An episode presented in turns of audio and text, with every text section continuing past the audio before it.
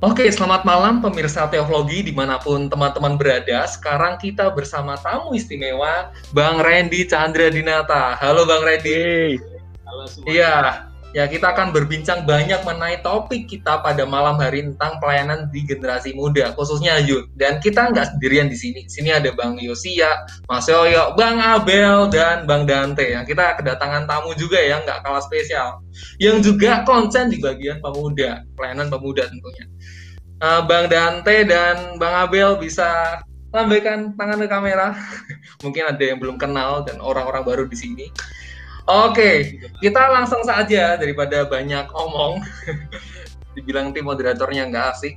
Um, langsung oh, tanya aja ya. Nah tadi ada aku siapin pertanyaan ya. Oke, kenapa sih Bang milih pelayanan youth? dan metode pastorgram yang dipakai. Silahkan Bang. Udah poin. Udah poin. Pertanyaan pertamanya aja udah bikin pusing nih kayaknya. Aduh. Ya, jadi uh, sebelumnya terima kasih buat teman-teman semua dari Teologi yang memberikan saya kesempatan untuk berbagi pengalaman, ya berbagi uh, ya dibilang pengetahuan ya pengalaman selama beberapa tahun terakhir dari dari awal 2010-an lah saya mulai pelayanan di uh, youth youth ministry kayak gitu. Dan mungkin uh, apa yang menyebabkan saya pertama kali melayani di youth adalah karena yang pertama saya mulai juga uh, ketika saya pertama kali ngalamin perjumpaan dengan Tuhan ngalamin encounter dengan Tuhan itu di pelayanan anak muda. Itu jadi tahun 2008 waktu itu eh, saudara kita juga Pastor Gram yang lebih senior dari saya eh, Christopher Tapieri itu kan eh, bikin Bible study pendalaman Alkitab di uh, gereja di GBI Ebenezer waktu itu. Dan saya ngalamin perjumpaan dengan Tuhan di uh, tahun 2008 dan lewat Bible study itulah saya jadi sungguh sungguh-sungguh mau ikut Tuhan gitu. Dan di dalam perjalanannya dipercaya untuk menjadi ketua youth waktu itu tahun 2011 lalu 2015 dipercaya menjadi pembina anak muda atau kalau bahasa kerennya sekarang youth pastor kayak gitu ya sampai hari ini dan saya menemukan bahwa memang ketika anak muda itu mengalami satu encounter dengan Tuhan, perjumpaan dengan Tuhan itu daya jangkaunya itu sangat luas. Ya, satu orang anak muda diselamatkan dan mempersembahkan hidupnya buat Tuhan itu punya pengaruh yang sangat besar bagi orang-orang di sekitarnya. Jadi ketika saya pribadi dimulai dari saya sendiri juga merasakan saya ingat betul ketika pertama kali mengalami perjumpaan dengan Tuhan, rasanya nggak bisa diam, nggak bisa pasif gitu ya, bawaannya pengen uh, ketemu orang, pengen ngajakin mereka kenal Tuhan juga lewat ngobrol, lewat uh, pertemanan dan seterusnya, bikin komsel. Itu saya uh, S1 di Atmajaya di uh, Atmajaya Semanggi di Jakarta. Saya ambil Fakultas Ekonomi waktu itu dan saya itu suka banget main sepak bola jadi uh, gabungnya tuh di UKM sepak bola. Nah waktu pertama kali ketemu dengan perjumpaan dengan Tuhan yang saya lakukan adalah saya kumpulin junior junior saya dan saya ajakin baca Alkitab.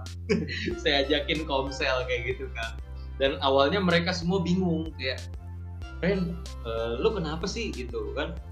Selama ini kan yang lo lakuin cuma pacaran main bola ya kan seneng-seneng kok sekarang jadi ngajakin orang baca Alkitab kayak gitu. Tapi itulah yang aku rasakan ketika ngalamin encounter dengan Tuhan. Aku rindu orang lain juga mengenal Tuhan dan berkaca dari pengalamanku pribadi aku merasa kayak oh anak muda semakin cepat dia ketemu Tuhan pasti dampaknya akan semakin besar kayak gitu.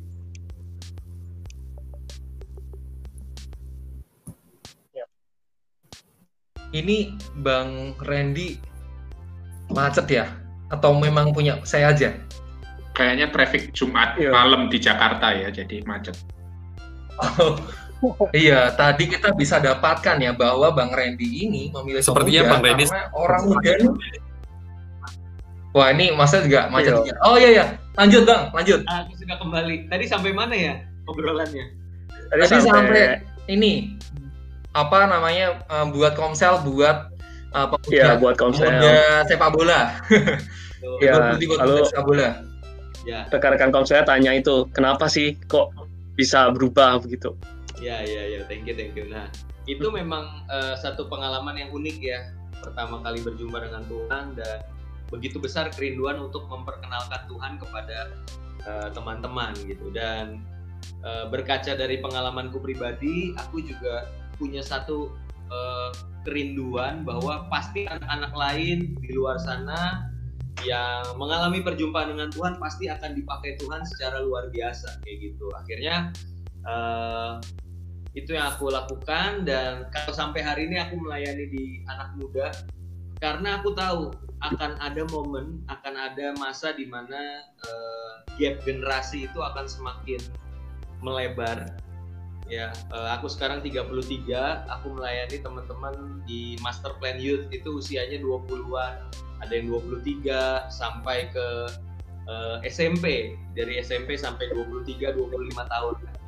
Aku pikir yang buat ke SMP jaraknya udah terlalu jauh lumayan jauh gitu. Jadi aku fokus ke anak-anak yang sekarang di usia kuliah usia kerja awal-awal uh, dengan harapan karena masih apa ya gap generasi ini masih bisa teratasi gitu kan. Dengan usaha yang uh, mungkin boleh dibilang cukup lah cukup besar juga untuk nyambung sama mereka. Sembari mempersiapkan generasi ini untuk bukan cuma menerima dan menikmati sendiri tapi mereka juga yang akan membagikan itu kepada generasi di bawahnya sehingga gap generasi itu dijembatani oleh mereka kayak gitu mereka lah yang akan melayani generasi di bawahku gitu karena ya nanti ada batas waktunya lah kita melayani di youth akan makin jaraknya makin jauh makin gak relevan ya kita harus serahkan kepada orang-orang di bawah kita kayak gitu. Wah oke okay. Bang Randy ini sebuah pengalaman yang luar biasa ya karena Bang Randy melihat bahwa orang muda ini nggak bisa diam, orang muda ini selalu bergerak. Ini apa sih yang harus aku buat untuk tempat ini? Itu kalau saya apa yang mengartikulasikannya dari Bang Randy tadi dan Bang Randy mengapa ngomong kayak gitu karena Bang Randy pernah mengalami hal yang sama gitu. Sampai hal yang luar biasa itu dilakukan uh, ketika Bang Randy ketemu sama klub sepak bolanya gitu. uh, aku bayangin ini, ini orang ada apa ya? Ketika bertanya itu malah metode penginjilan berhasil ya, Pak. nah, pertanyaan kedua, kenapa yang dipilih ini uh, Pastor Gram gitu? Ini ada karena tidak sengaja atau disengaja gitu kan? Biasanya orang-orang kan bertanya. nah itu ya, tuh, silakan Bang Redi. Ya, ini benar-benar uh, saya harus katakan dengan jujur ini sesuatu yang tidak disengaja ya. Ini bukan cita-cita ini bukan satu uh, jalan ninja ya. Jalan ninjaku bukan ini bukan. Tapi uh, yang aku lakukan waktu itu kan jadi memang aku tuh banyak terinfluence terpengaruh sama gaya pelayanannya Kak Kristo Pastor Christopher Tapiheru uh, beliau kan melayani di uh, sosmed itu sangat apa ya sangat gencar gitu memang dimulai sejak 2008 kita di Facebook. Waktu itu belum ada Instagram. Uh, baru ada Facebook Twitter Pad itu yang jadi lahan di mana kita memberitakan uh, tentang nama Tuhan kebenaran gitu ya. Kita pakai status Facebook kita atau postingan-postingan kita gitu. Jadi sebenarnya uh, aku me, apa menjangkau di sosial media itu sudah dari 2008 2009an ketika awal-awal bertobat langsung tuh bukan cuma di sepak di Atma Jaya di UKM Sepak tapi di dunia maya aku pun memberikan apa nilai-nilai kebenaran firman Tuhan aku bagikan di situ gitu. Dengan dengan dengan ya dengan mental yang ah bodo amat lah orang mau bilang apa mau dibilang so suci lah mau dibilang so bener yang penting aku sampein apa yang ada di hati aku kayak gitu dan itu berjalan terus dari 2009, 10, 11 sampai akhirnya di 2017 eh, kayaknya 2017 sih aku mulai buat account Instagram. Ya mungkin uh, ada yang bilang cukup terlambat juga ya tapi lebih baik terlambat daripada tidak sama sekali ya gitu kan. Dan itu awalnya bukan untuk uh, tiba-tiba aku oh aku akan uh, share firman atau bikin quotes gitu nggak ada kepikiran itu sama sekali gitu. Aku cuma ya mengikuti aja apa yang sedang uh, berkembang gitu kan teman-teman anak-anak yang aku pimpin. Bahkan youthku sendiri udah punya Instagram masa pembinanya nggak punya gitu kan. Akhirnya aku bikin juga kayak gitu. Awal mula sih dari situ uh, akhirnya uh, satu waktu aku bikin renungan aku posting di situ awalnya sih gambar-gambarnya pemandangan bro. Gambarnya kadang pemandangan atau cari di Google gitu kan. Terus di Google akhirnya aku pasang kayak gitu. Nah sampai satu ketika nih aku lagi pelayanan nih lagi uh, khotbah di satu tempat. Nah ada anak youth aku ngikut. Aku punya kebiasaan memang kalau lagi pelayanan aku ajakin teman-teman. Anak-anak nih aku ajak gitu kan. Dan salah satu ada yang bawa kamera waktu itu. Bawa kamera lalu aku khotbah dan aku nggak kepikiran bahwa pas lagi khotbah bakal difoto-fotoin gitu kan. Tapi yang terjadi adalah selesai khotbah tiba-tiba di dari handphoneku tuh ada kiriman email dan emailnya itu isinya adalah foto-foto pas aku lagi khotbah gitu. Mungkin sekitar ada 50 foto bro gitu. Jadi ada yang lagi begini ada yang lagi begini ya kan? Wah pokoknya banyak deh itu stok foto kan gitu. Sampai akhirnya nyobain uh, ah memberanikan diri ya sama kayak Pastor Kristo gitu kan dia biasa bikin quotes ada mukanya dia kan nah aku coba-coba berhadiah lah gitu kan pakai tampilan wajah kayak gitu kan sekali di post ternyata uh, reaksinya berbeda.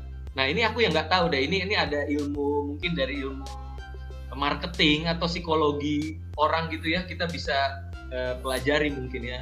Tapi waktu aku pasang gambar pemandangan sama gambar muka aku kok respon dari uh, orang yang melihat tuh berbeda gitu. Love-nya lebih banyak gitu kan. Aku jadi wah seru juga nih, penasaran juga gitu kan. Akhirnya bikin lagi, bikin lagi. Dan sekali waktu uh, aku waktu itu ulang tahun bro jadi lagi ulang tahun dan Pastor Kristo itu ngucapin ulang tahunku dengan cara nge-repost nge-repost quotes aku gitu kan jadi sekali waktu bangun tidur pas ulang tahun itu bangun pagi kok followersnya nambahnya lumayan gitu. Pas aku cek kenapa ini? Oh ternyata di repost sama Pastor Kristo kayak gitu. Oh, oke okay, siap deh. Thank you ya. Padahal aku nggak nggak minta dan nggak nggak pernah berharap seperti itu gitu kan. Tapi itu yang terjadi sekali di repost beberapa kali dua kali tiga kali di repost habis itu ya berjalan sampai hari ini sih bro puji Tuhan. Jadi benar-benar nggak pernah dirancangkan eh, atau dicita-citakan sebelumnya tapi ya ikutin aja lah jalan ninjanya yang Tuhan telah sediakan buat aku kayak gitu Oke, ya ini sebuah temuan yang menarik ya. Jadi bukan karena pengen branding diri jadi pastor gam, tapi karena nggak sengaja loh kok tiba-tiba aku terkenal itu. Oh iya, kalau boleh sharing, di semester 3 aku menemukan Instagramnya Bung Randy. Iya, iya, iya, gitu dan itu beta itu yang BB itu kan apa komen-komenan lewat situ. Oke, sebelum saya bertanya lebih lanjut mengenai hal yang esensial lain mungkin nah Uh, silakan teman-teman host lain bisa eh, tanya-tanya atau sharing tertentu. Persilahkan, mari. Ya, saya duluan ya. Uh, pertama-tama thank you ya Bro Randy ya sudah mau mampir di uh, platform kami ini. Yang kemarin kan Bro Randy yang undang aku sekarang ini kami terhormat ini bisa mengundang seorang pastor Gram berada di uh, teologi bersharing bersama uh, pengalaman hidup tetapi juga nanti refleksi-refleksi kehidupan dan saya yakin bahwa di dalam refleksi itu pasti ada nilai-nilai teologis yang akan akan akan sangat berguna bukan hanya untuk para praktisi tetapi juga untuk para teolog-teolog yang yang menyaksikan um, program ini. So thank you so much untuk sudah mampir di kami. Oh, ini uh, jadi ini Mas dan teman-teman. kolaborasi Pastor Gram dengan Teologram lagi ini. Keren. So terima kasih. Nah, um, saya punya pertanyaan ini, Bro. Ini kan tema kita kan dealing with a young generation begitu. Nah, menurut Bro Randy sendiri dalam pengamatan, dalam pengalaman, uh, yang generation yang sekarang ini uh, Bro Randy layani, amati, itu seperti apa? Apa sih yang menjadi kerinduan terdalam dari teman-teman uh, youth ini dalam pengalaman Anda? Iya, jadi selama mungkin uh, boleh dibilang 10 tahun lah ya saya melayani di anak muda. Uh, saya mulai terjun melayani itu tahun 2006 sebenarnya. Tapi dengan pengertian yang belum benar, saya cuma mungkin karena merasa oh udah usia lumayan nih, udah kuliah. Masa iya saya belum melayani gitu kan. Akhirnya coba-coba pelayanan dan akhirnya puji Tuhannya uh, diselamatkan ya dari cara pikir yang salah itu 2008 Eh, akhir-akhir 2008 dan ya boleh dibilang benar-benar concernnya ya 10 tahun lah melayani di anak muda gitu ya. Dan semakin ke sini yang aku perhatikan dengan adanya kemajuan teknologi bahwa perubahan eh, karakteristik dari generasi ke generasi itu bisa bergerak dengan begitu cepatnya gitu. Tapi ada beberapa sih yang memang aku perhatikan uh, menjadi karakteristik dari generasi yang sekarang ini gitu. generasi yang mungkin dikatakan generasi Z atau bahkan Alpha ya uh, mereka itu yang pertama sangat tertarik dengan yang namanya kemasan sangat tertarik dengan yang namanya kontainer sesuatu yang kelihatan visual mereka itu benar-benar tertarik sama yang bisa dilihat oleh mata mereka gitu. Hmm. Jadi ketika kita mau menjangkau generasi ini, maka yang harus diperhatikan juga bagaimana cara kita membawakan diri kepada mereka kayak gitu. Aku ingat betul 2013 itu aku menikah dan aku belum terlalu melek akan yang namanya pelayanan generasi. Jadi waktu menikah mindset aku wah aku sudah jadi bapak-bapak nih. Aku harus pakai pakaian yang rapi, aku harus gaya ngomong juga harus lebih tertata kayak gitu kan di kalangan anak muda kayak gitu.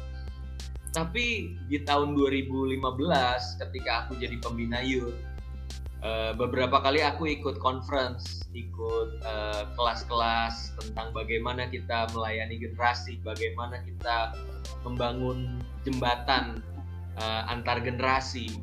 Dan di situ memang kita harus akui bahwa generasi ini tidak lepas dari yang namanya uh, tampilan atau kemasan.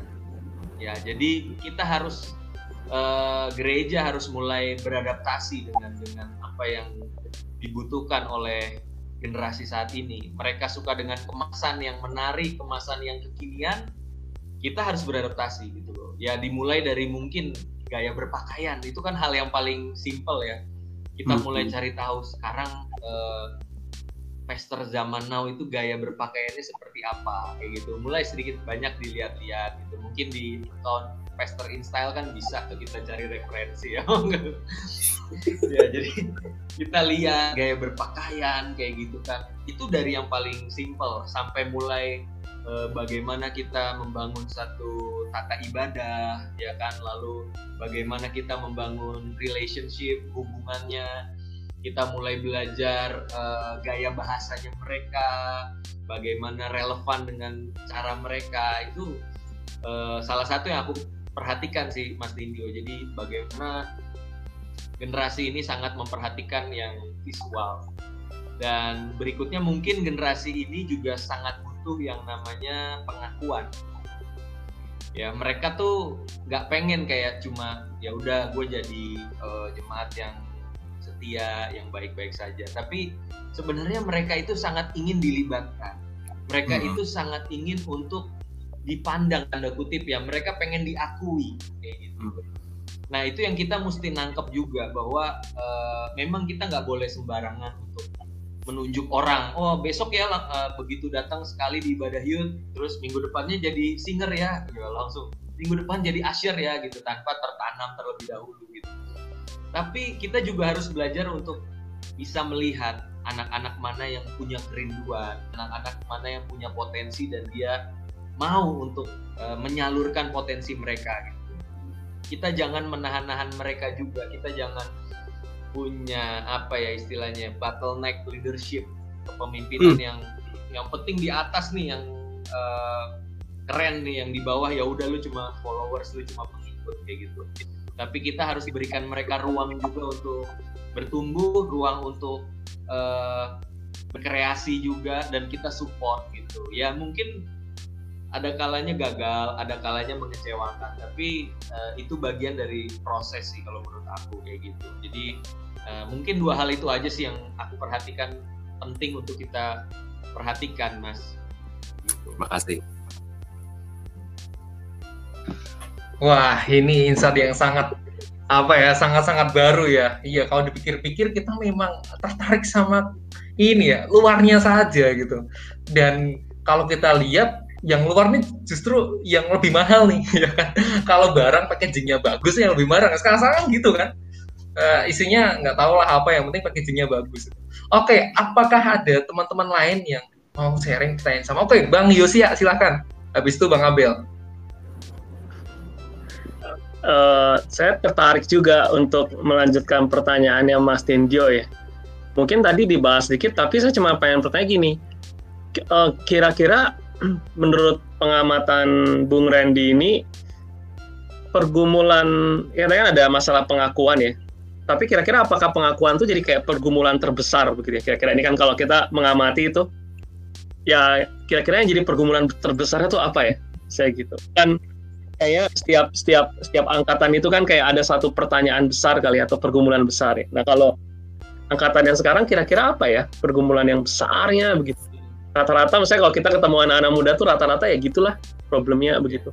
Uh, Selain pengakuan tadi, mungkin ya. Uh. Thank you, uh, Bung Yosia buat pertanyaannya. Dan kalau menurut aku sebenarnya ya uh, orang tuh sering kali nggak sadar apa sih yang menjadi kebutuhan terutama di dalam hidupnya kayak gitu kan dan kalau buat aku kita sering kali memang penting untuk memperhatikan kemasan tadi seperti uh, Bro SAW bilang juga ya kita perlu perhatikan itu. Dan anak generasi sekarang juga.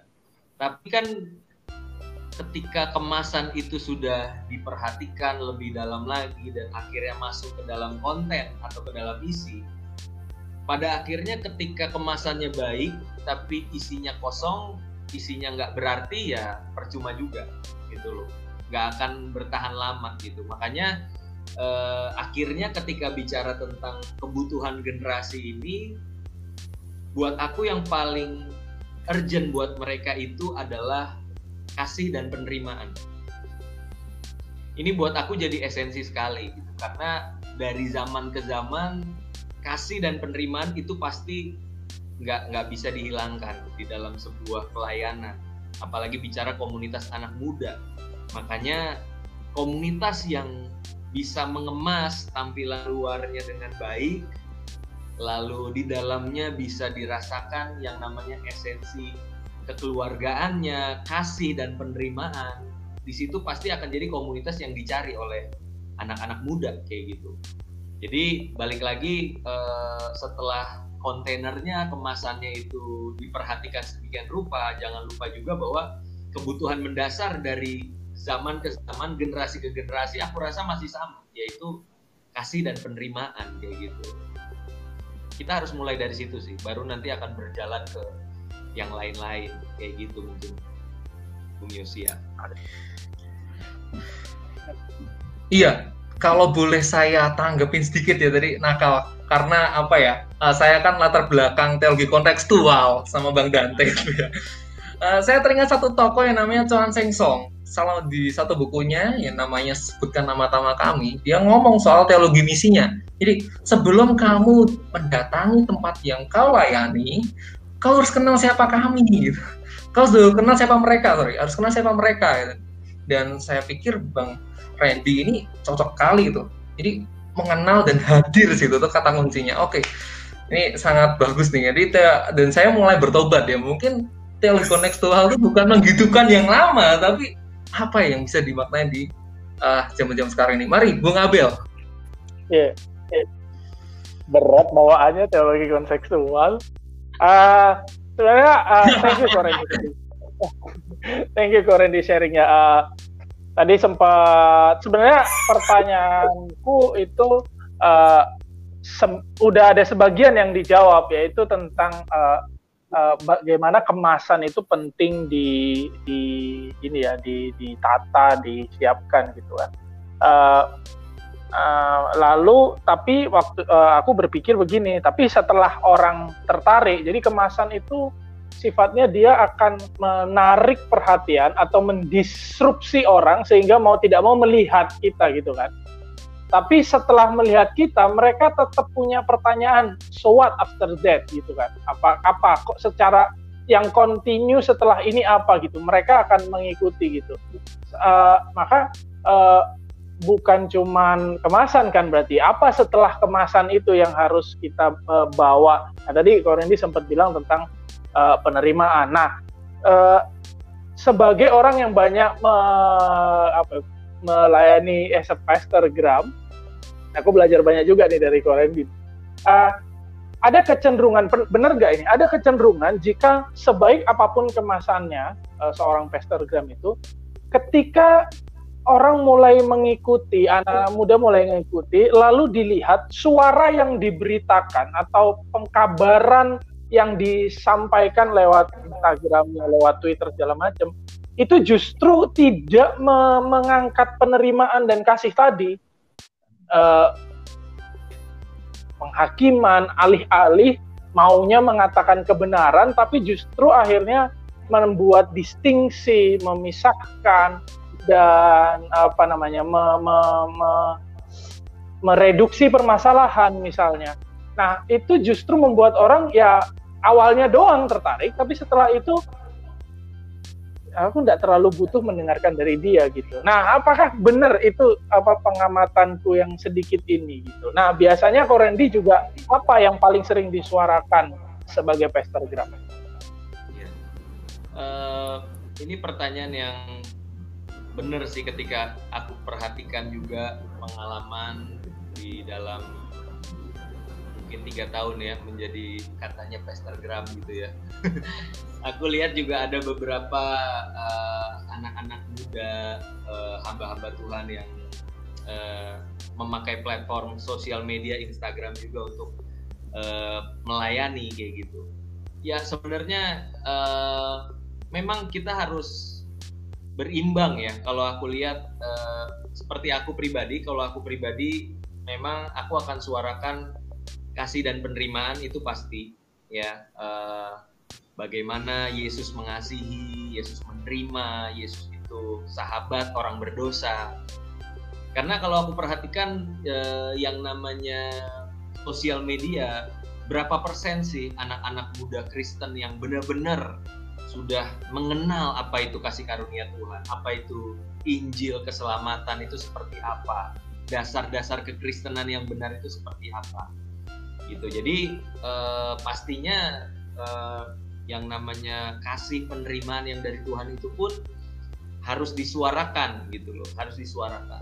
Dan yang nggak kalah penting dari itu bagaimana ketika ada orang-orang mungkin yang bertanya atau DM dengan dengan maksud e, bertanya secara tulus ya mencari tahu kebenaran dan bagaimana kita membangun relasi dengan mereka jadi kita nggak cuma pandang mereka sebagai objek sebagai uh, apa ya oh lu followers followers gua gua akan maintain supaya lu tetap ada di uh, lingkaran followers gua. Bukan tapi kita benar-benar memang sebagai seorang teman seorang sahabat juga yang mengasihi dan menerima mereka.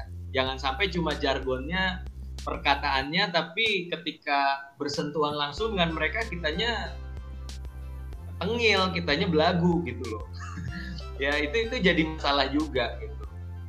Makanya ketika eh, pertama kali aku juga dengar eh, yang namanya eh, spiritual companion dari Mas Nindyo juga berapa kali disinggung soal bagaimana kita membangun persahabatan. Wah aku pikir ini nilai-nilai yang perlu dibangun gitu loh di dalam sebuah pelayanan gitu. Bahkan berita-berita yang disampaikan pun Nah, tentang pelayanan generasi tentunya kita harus mulai dengan jadi sahabat yang baik dulu buat seseorang gitu. loh. Sebelum kita menegur, sebelum kita uh, mengkoreksi sebagai seorang kakak, seorang mentor atau bahkan seorang bapak rohani, kita harus mulai dengan persahabatan gitu loh. Jadi teman yang baik, yang nggak modus. Kadang kan dalam pelayanan tuh uh, apa ya? Aku temukan uh, persahabatannya itu ada modusnya. Dalam arti mungkin bukan modus negatif ya, tapi lebih tepatnya uh, mana nih orang yang bisa gue tarik ke gereja gue, mana nih orang yang bisa gue rekrut jadi anggota komunitas gue. Jadi kayak orang pun bisa ngerasain gitu loh ketika kita bersahabat, bersentuhan dengan mereka, kok nih orang kayaknya tanda kutip prospekin gue banget gitu loh ya nggak? Kalau kalau teman-teman mungkin tahu namanya MLM ya biasa kan ditemenin dulu bersahabat dulu nanti ujung-ujungnya akan dibawa untuk join sama dia gitu kan. Tapi aku percaya uh, persahabatan yang tulus itu nggak ada modus sih nggak ada maksud tersembunyi di baliknya. Ya kita make friendship friendship for the sake of friendship gitu loh. Kita bersahabat untuk persahabatan kita bukan untuk merekrut orang jadi anggota kita kayak gitu kan. Dan ketika di dalam perjalanannya mereka merasakan uh, persahabatan yang berbeda yang tulus dan mereka membuka diri untuk dimentor untuk dimuridkan itu hal yang berbeda kayak gitu. Tapi pastikanlah mulai dengan uh, kasih dan penerimaan. Dan baru setelah itu kalau mau tanda kutip uh, sentil dikit-dikit gitu kan, tegur dikit-dikit ya it's okay lah. Karena uh, Yesus yang adalah Tuhan ketika datang ke dunia, Yohanes bilang dia itu penuh kasih karunia dan juga kebenaran. Ya artinya nggak selalu ngomongin tentang ah ya udahlah kan Tuhan mengasihi kamu, Tuhan menerima kamu. Akhirnya dibiarkan karena penerimaan sama pembiaran kan dua hal yang berbeda kayak gitu. Jadi ada momen di mana kita harus tanda kutip menegur kita di, di kadang di postinganku juga ada yang nyentil-nyentil dikit gitu kan. Tapi uh, kalau orang lihat secara garis besar ngikutin pasti tahu lah arah aku ke mana kayak gitu. Bukan untuk menghakimi atau menjatuhkan siapa pun kayak gitu. Gitu sih bro Abel. Ya yeah, thank you thank you. Mantap. Oke okay, iya. Boleh kita bertanya yang sedikit apa ya, yang sedikit uh, esensial biar percakapan kita ini apa ya lebih dinamis ya. Gini Bang Randy, kan kita sekarang ada di zaman uh, media sosial dan di mana media sosial itu kalau kita posting sekali seakan-akan apa yang dialami oleh konteks Bang Randy itu juga dirasakan oleh orang yang punya konteks yang berbeda gitu. Nah, misalnya ada satu pastorgram ngomongin soal uh, peneri uh, soal mental health gitu kan dengan gaya-gaya komunitasnya. Tapi ada beberapa komunitas lain yang uh, eh ini nggak cocok nih buat aku gitu kan. Tapi itu dipraktekkan di komunitasnya. Nah, uh, kalau se sependek pengamatan saya tuh kayak ada arogansi itu. Jadi uh, apa yang kita sharekan di Instagram atau di apa media sosial apa pun itu kayak kita merasa bahwa dunia itu seperti yang kita lihat. Nah, apakah Bang Randy pernah mengalami ini dan bagaimana Bang Randy mengatasi ini gitu? Kalau ada, ya. silakan Bang uh, Randy. Eh, kalau menurut aku pribadi sih uh, setiap influencer artinya influencer rohani ya, Instagram atau siapa pun yang memakai media sosial untuk melayani, mereka punya Eh, cara masing-masing dan warna masing-masing yang kita tidak bisa persalahkan juga. Karena itu kan pasti berhubungan dengan apa yang dia pelajari lalu pengalaman dia di lapangan itu seperti apa kayak gitu. Nah eh, itu sah-sah saja menurut aku. Itu hak-hak setiap orang untuk uh, mengekspresikan seperti apa bentuk pelayanannya. Tapi yang harus diperhatikan adalah buat para uh, followers ataupun mereka yang melihat postingan tersebut. Artinya benar seperti yang Bro Adi bilang tadi bahwa tidak semua yang dilakukan di satu komunitas itu akan efektif dilakukan di komunitas yang lain. Nah, inilah makanya penting selain kita juga uh, melihat seperti apa komunitas orang lain, kita juga belajar, kita juga mencari tahu tapi kita pribadi masing-masing juga harus menemukan apa yang menjadi uh, otentisitas dari komunitas kita masing-masing. Jangan sampai kita memaksakan, wih kalau di sana kayaknya dengan cara yang seperti ini rame gitu kan, viral gitu kan, akhirnya kita ikut-ikutan.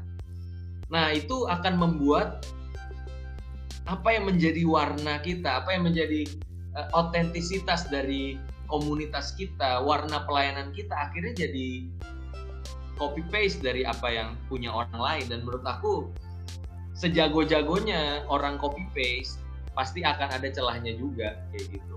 Pasti nggak akan maksimal. Oke okay, kalau kita pelajari oke okay, kalau kita ambil nilai-nilai positif yang yang bisa kita terapkan. Tapi kalau dirasa nggak cocok dirasa nggak tepat ya nggak usah diikutin. Itu loh. Kita bisa belajar dari tempat lain kita bisa explore ke dalam ke komunitas kita sendiri. Aku pribadi sama anak-anak master plan selama beberapa tahun melayani, aku beberapa kali bikin namanya culture meeting.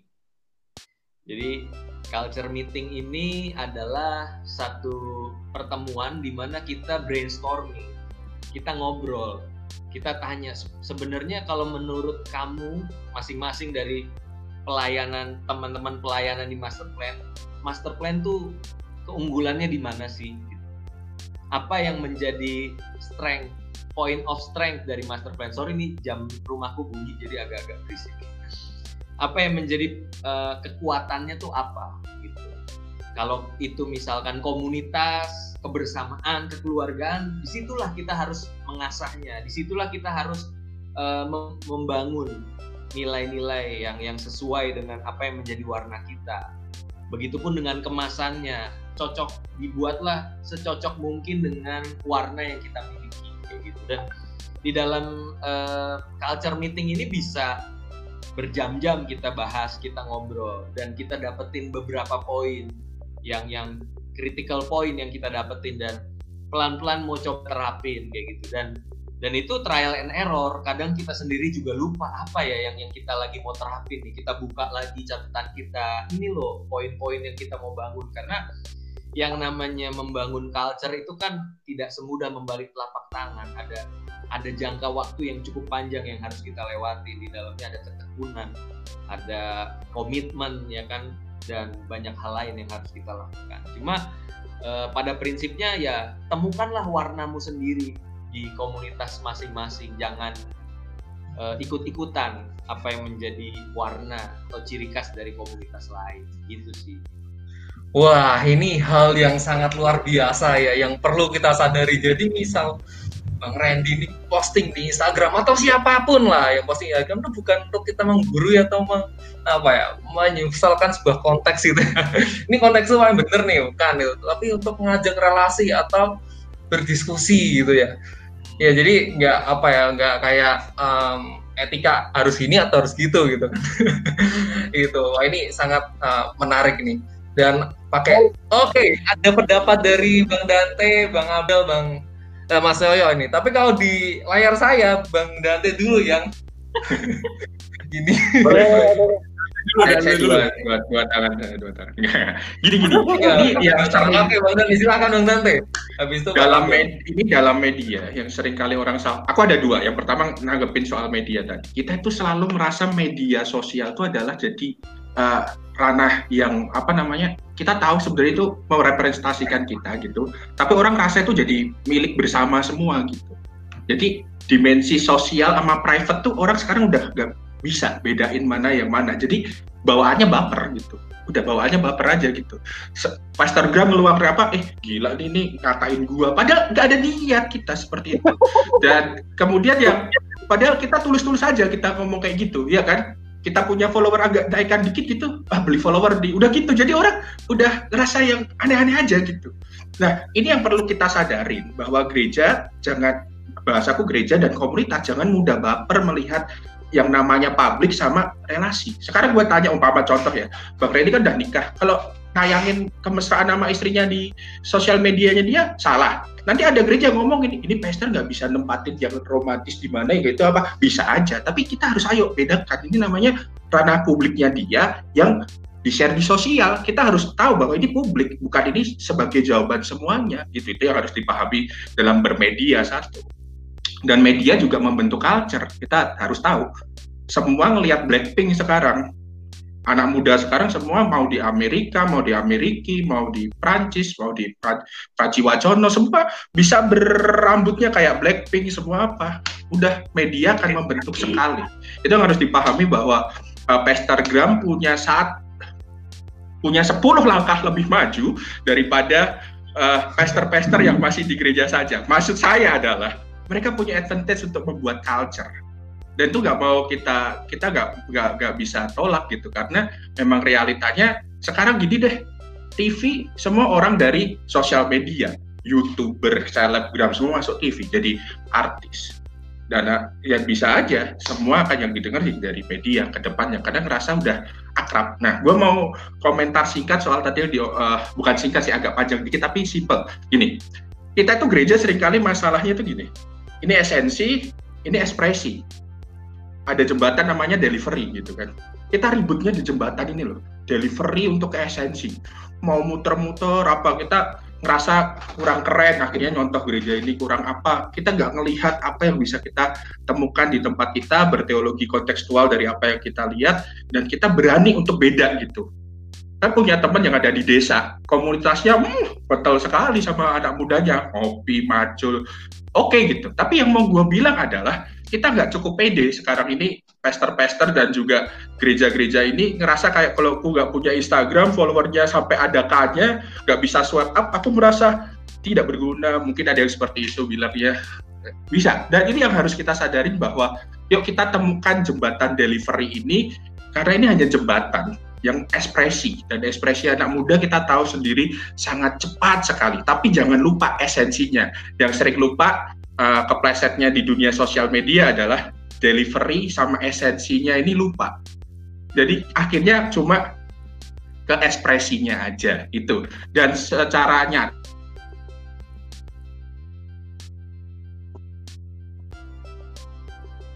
Wah, ini ada sedikit uh, gangguan teknis ya di Jakarta ya. Kalau tadi kutip Bang Dante yang lagi macet-macetnya ya hari Jumat. Udah masuk ya, masuk ya. Oh, masuk lagi. Oh, udah, udah, Lagi kena lampu merah.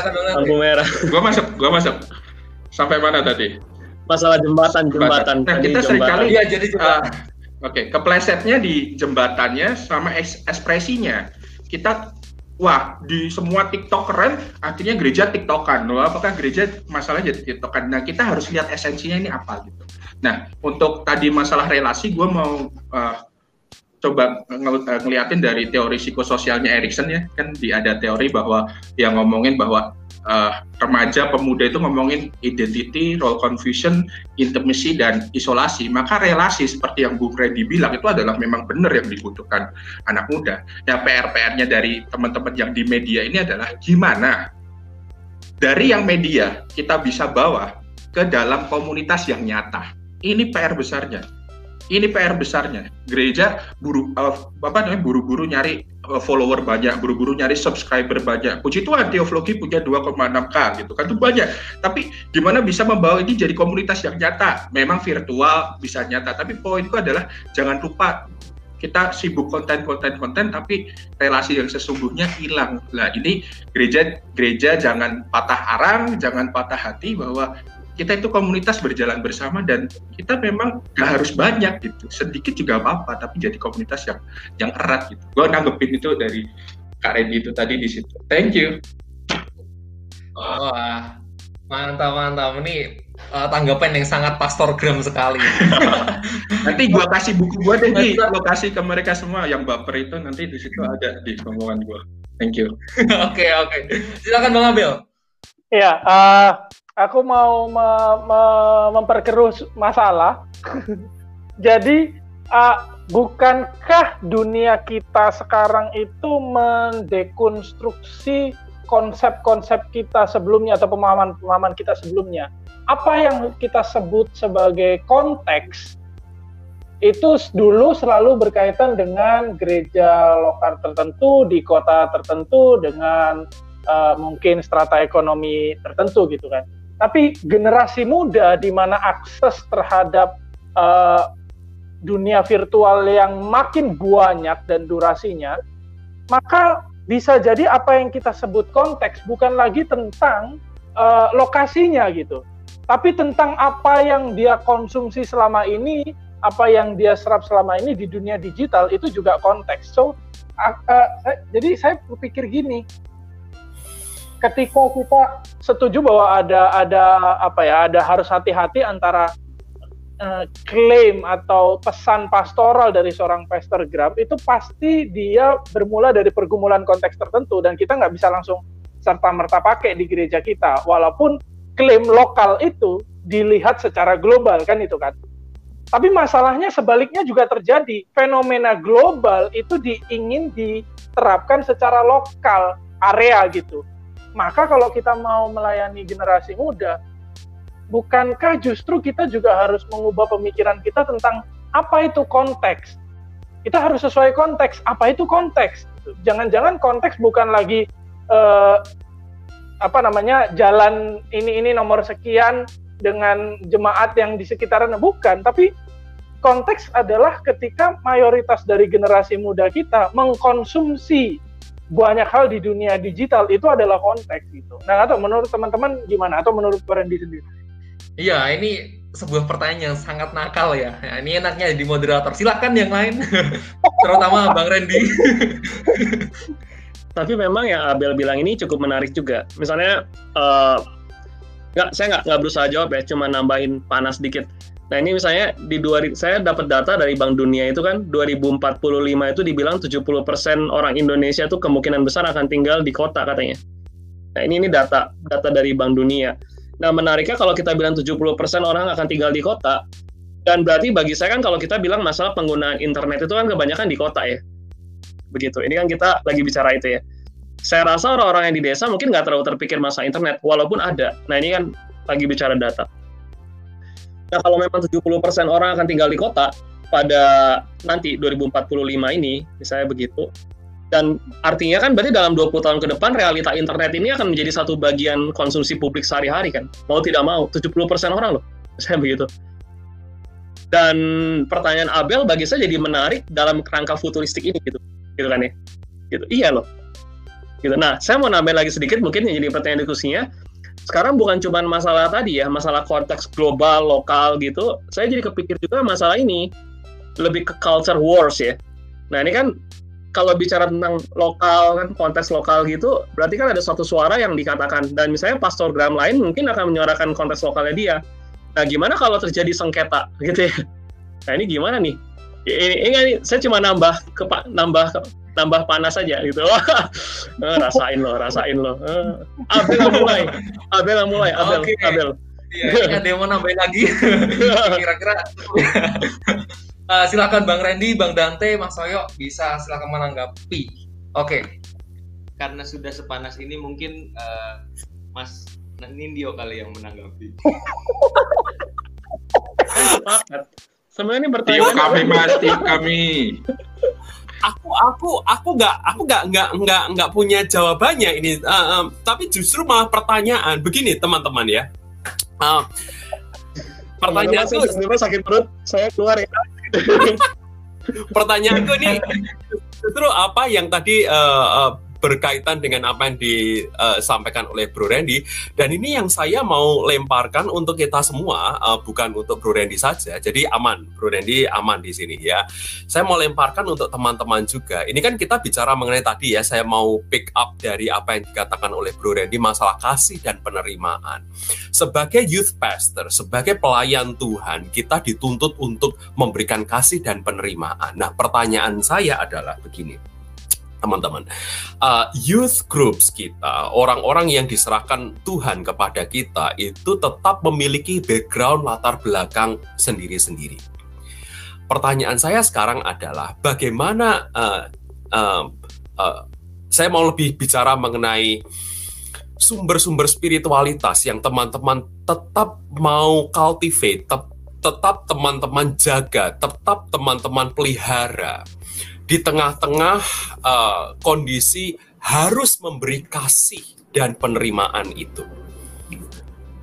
Pertanyaan saya lebih konkret yaitu, bagaimana teman-teman bisa menjaga supaya teman-teman tidak mengambil alih, mengambil fungsi dunia mereka. Mereka punya keluarga, mereka punya uh, uh, guru, mereka punya latar belakang yang berbeda-beda. Tetapi sebagai pastor itu kan sering kali kita bisa diposisikan jadi idola mereka, uh, bahkan uh, pujaan mereka begitu. Tapi bagaimana tetap kita bisa bisa detach gitu dengan dengan dengan ya kita tahu batas-batasnya. Kenapa demikian? Kenapa ini penting menurut saya? Karena ketika kita tidak menyadari ini, uh, yang pernah saya sharingkan dalam spiritual companionship yaitu banyak justru kejatuhannya di sini, begitu yang terjadi.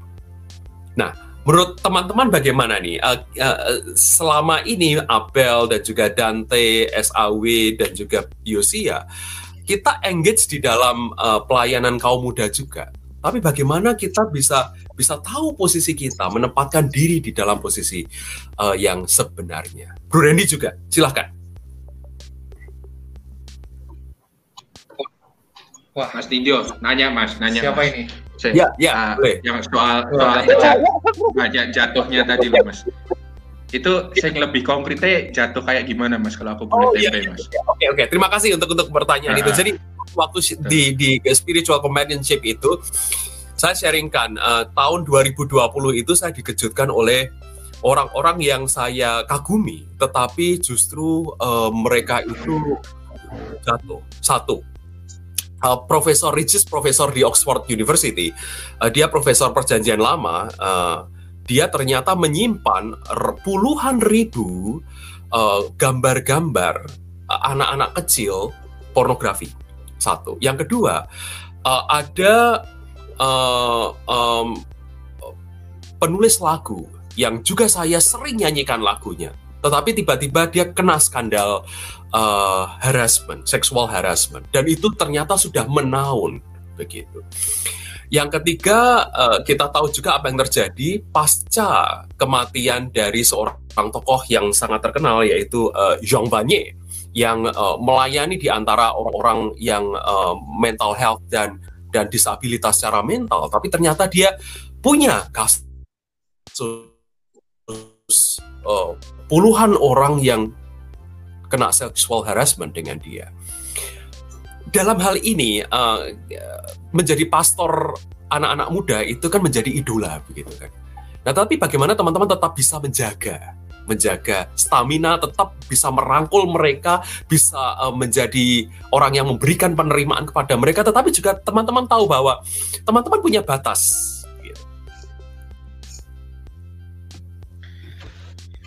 Wah, ini sungguh menarik ya. Oh, mari Bang Randy, mari Bang Randy, silahkan. Oke.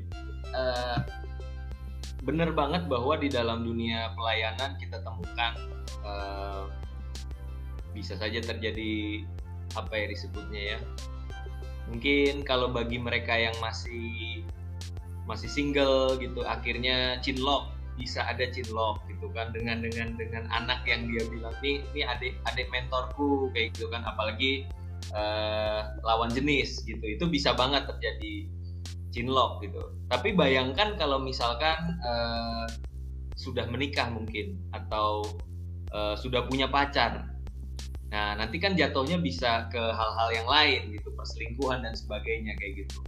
Makanya memang kita harus seperti yang tadi Mas Nindyo katakan, kita masing-masing pemimpin ini harus punya yang pertama tahu batas. Tahu batas dalam arti bagian mana di dalam kehidupan dia yang kita perlu tahu dan kita uh, pelajari lebih dalam untuk kita bisa bantu, untuk kita bisa kasih advice ke dia, nasihat, dan bagian mana yang kalau dia nggak mau cerita atau dia simpan untuk dia sendiri ya kita nggak perlu tahu gitu loh. Kita nggak jangan jangan juga jadi kepo. Kan ada ada jargon ada ada satu istilah yang bilang keterbukaan adalah awal dari pemulihan gitu ya.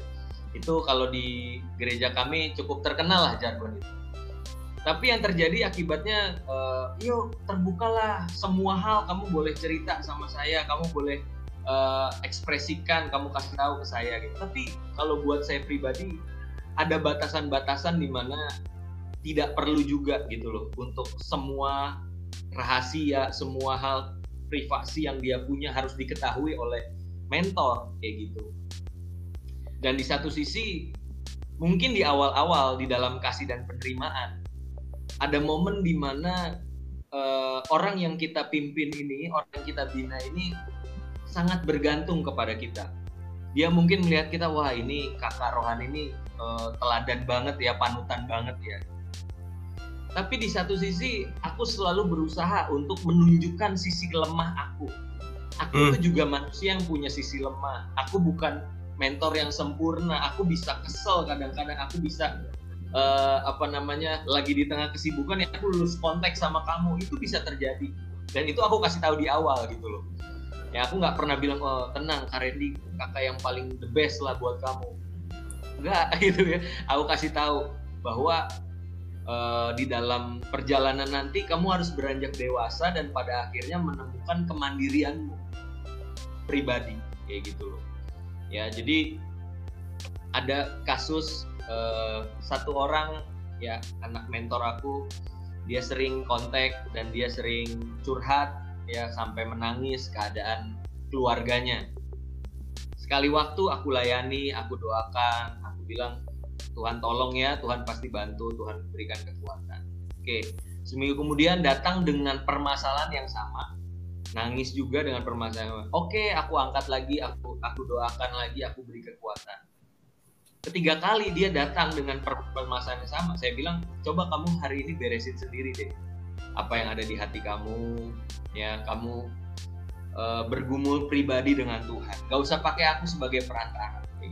Dan mungkin ya bisa aja dia kesel bisa aja dia bilang ini mentor macam apa sih kok aku dibiarin kayak gitu tapi di satu, sisi aku mau belajar memberikan ruang bagi dia untuk mandi memberikan ruang bagi dia untuk bertumbuh di dalam uh, pengalamannya sendiri dengan Tuhan kayak gitu. Nah, bisa saja kita intervensi terus-terusan tapi bahayanya tadi nanti akan ada barrier-barrier batasan-batasan yang tanpa sadar kita telah lewati kayak gitu.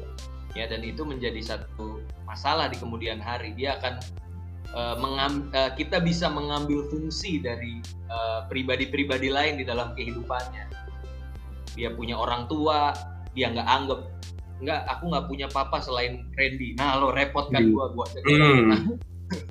nggak pernah ngurusin apa-apanya dia tiba-tiba bilang seperti itu jadi aku selalu buka ruang buat kemandirian dari anak-anak yang aku bina dan yang mungkin yang kedua adalah karena aku sudah berumah tangga aku selalu berusaha untuk melibatkan istri aku di dalam pelayanan ini tentunya dengan uh, mindset yang benar. Tentunya dia sebagai kalau uh, anak-anak di youthku pasti akan bilang dia ya disebutnya sebagai isgem bahasanya ya istri gembala katanya seperti itu. Jadi uh, kalau yang cewek-cewek mau curhat hubungi Kadita aku bilang gitu. Ya cowok-cowok cari aku.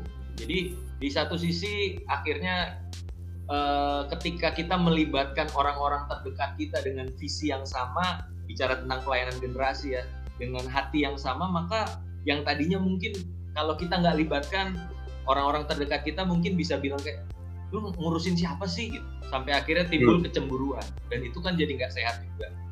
Tapi kalau kita bisa melibatkan orang-orang terdekat kita khususnya pasangan kita untuk terjun dalam pelayanan maka kecemburuan kecemburuan macam itu pasti terhindarkan. Dan yang berikutnya yang terhindarkan pula dari hubungan-hubungan yang terlampau melewati batas gitu loh. Itu akan bisa sangat bisa terjaga ketika kita terbuka dengan pasangan kita di dalam pelayanan mungkin itu sih yang uh, bisa aku share mas.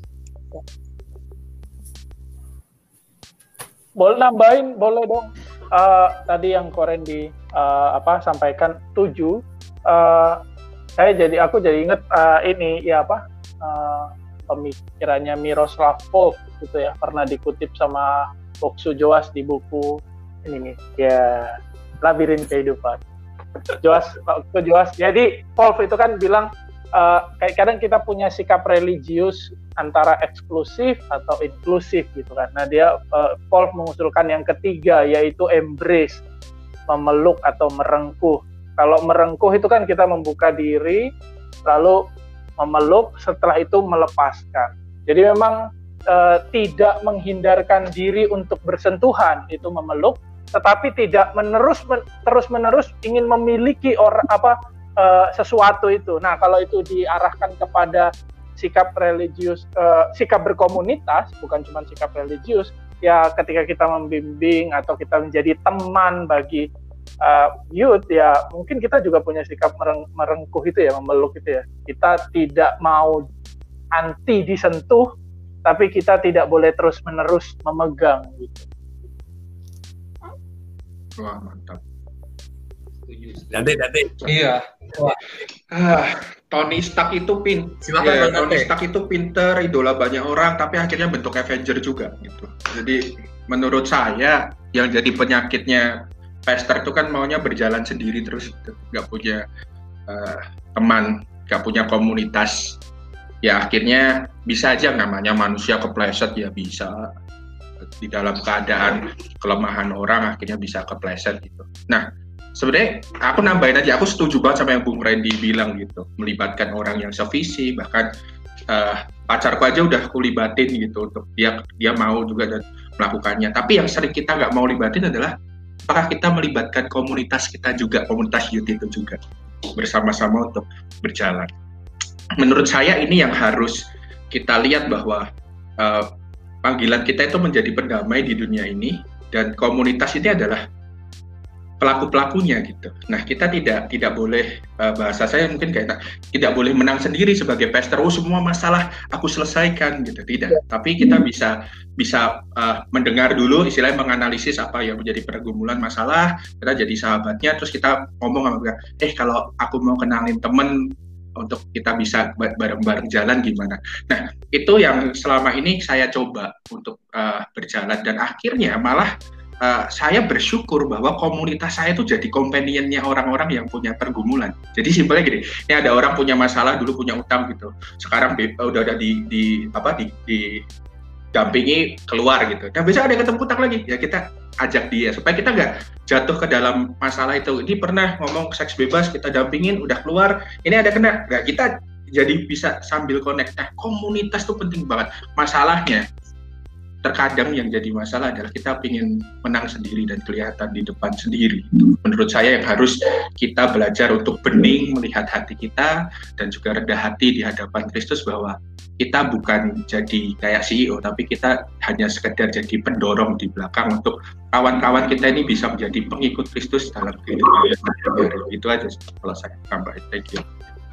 Wah ini sangat apa ya sangat klarifikasional ya karena kenapa Eh, jangan-jangan yang kita pikir Pastor Graham ini berdiri sendiri lah. Kita lihat Bang Randy aja ada komunitas yang tidak di belakangnya, ada uh, istrinya. Bang Dada juga menjelaskan hal itu. Ini uh, jangan-jangan apa ya stigma-stigma kita terlalu jauh sampai nggak bisa lihat realita tadi. Nah, stigma kan masalah belum kenal aja. Stigma kan oh, iya, belum kenal, kenal aja. Ya, ya, kalau ya. udah kenal beda. Iya, tapi tadi ada juga pertanyaan belum kita dapatkan. Nah ini saya pikir bukan cuma pertanyaan Bang Dante, Bang Randy, Bang Abel tuh ada konteks. Jadi ketika kita ngomong konteks tuh kan, konteks itu kan licin ya, hmm. eh, bisa ke mana-mana gitu kan. Nah silahkan uh, pertanyaan yang tadi ini kita diskusikan. Tapi kalau boleh saya menambahkan ya, um, justru ketika kita ngomong konteks ya, kita bersama-sama mikirin konteks yang sebenarnya gitu. Jadi itulah power dari kata-kata konteks. Jadi kita ngomong konteks, kita malah mulai memikirkan konteks yang kita dalami sekarang tuh apa gitu. Nah tadi uh, di Google kan menurut Bang Abel konteks tuh gini, uh, Bang Yosia gini, uh, aku gini, terus Bang Redi gini, Bang Dante Pasnya juga gini. Wah ini kita berbicara mengenai konteks kita dan kita uh, apa namanya membuka diri supaya nggak eksklusif dan uh, konteks yang kita pahami sebelumnya akan berubah ketika kita ngomongin konteks yang baru. Menurut saya itu. Nah, apakah kita mau lanjut ke uh, pernyataan ini, pertanyaan tadi atau ke komen? Hmm. Silahkan ke teman-teman. Ini kalau dulu waktu belajar ya, di diingetin gitu, konteks memang betul kadang ada yang di sini, tapi konteks juga ada yang think globally, act locally gitu kan. Jadi ini yang yang yang sekarang menurut saya kita nggak boleh lupakan yang global terjadi ini apa dan media ini adalah yang global sebenarnya yang harus kita aware banget gitu terkadang saking ekstrimnya konteks terlalu lokal kita nggak mau lihat media yang global ya menurut saya satu tambahan kata uh, think globally act local ini akan menumbuhkan kita untuk semakin aware apa sih sebenarnya yang sedang terjadi dan kita racik lokal nih untuk untuk tempat kita. Ini pendapat saya pribadi ya. Kalau salah ya mohon maaf. Betul. Uh, ya, saya, saya setuju dengan apa yang dikatakan oleh Dante. Uh, ada ketegangan antara keduanya gitu kan yang universal tetapi juga yang partikular dan bagaimana kita kita tetap bisa menjaga tensi tersebut sehingga bagi saya apa yang saya dengar dari teman-teman tadi adalah kita tidak meninggalkan diri kita menjadi otentik. Otentik itu ya menjadi kita apa adanya. Itu yang saya dengar dari Dante, apa yang saya dengar dari Bro Randy bahwa jangan karena sekarang ini kita itu uh, media menjadi sarana untuk uh, uh, orang berkomunikasi.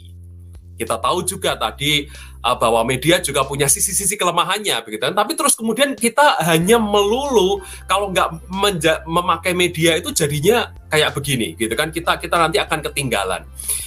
Apa yang tadi dikatakan oleh Dante sangat benar. Jangan sampai delivery itu kemudian mengubah apa yang yang menjadi esensi, begitu.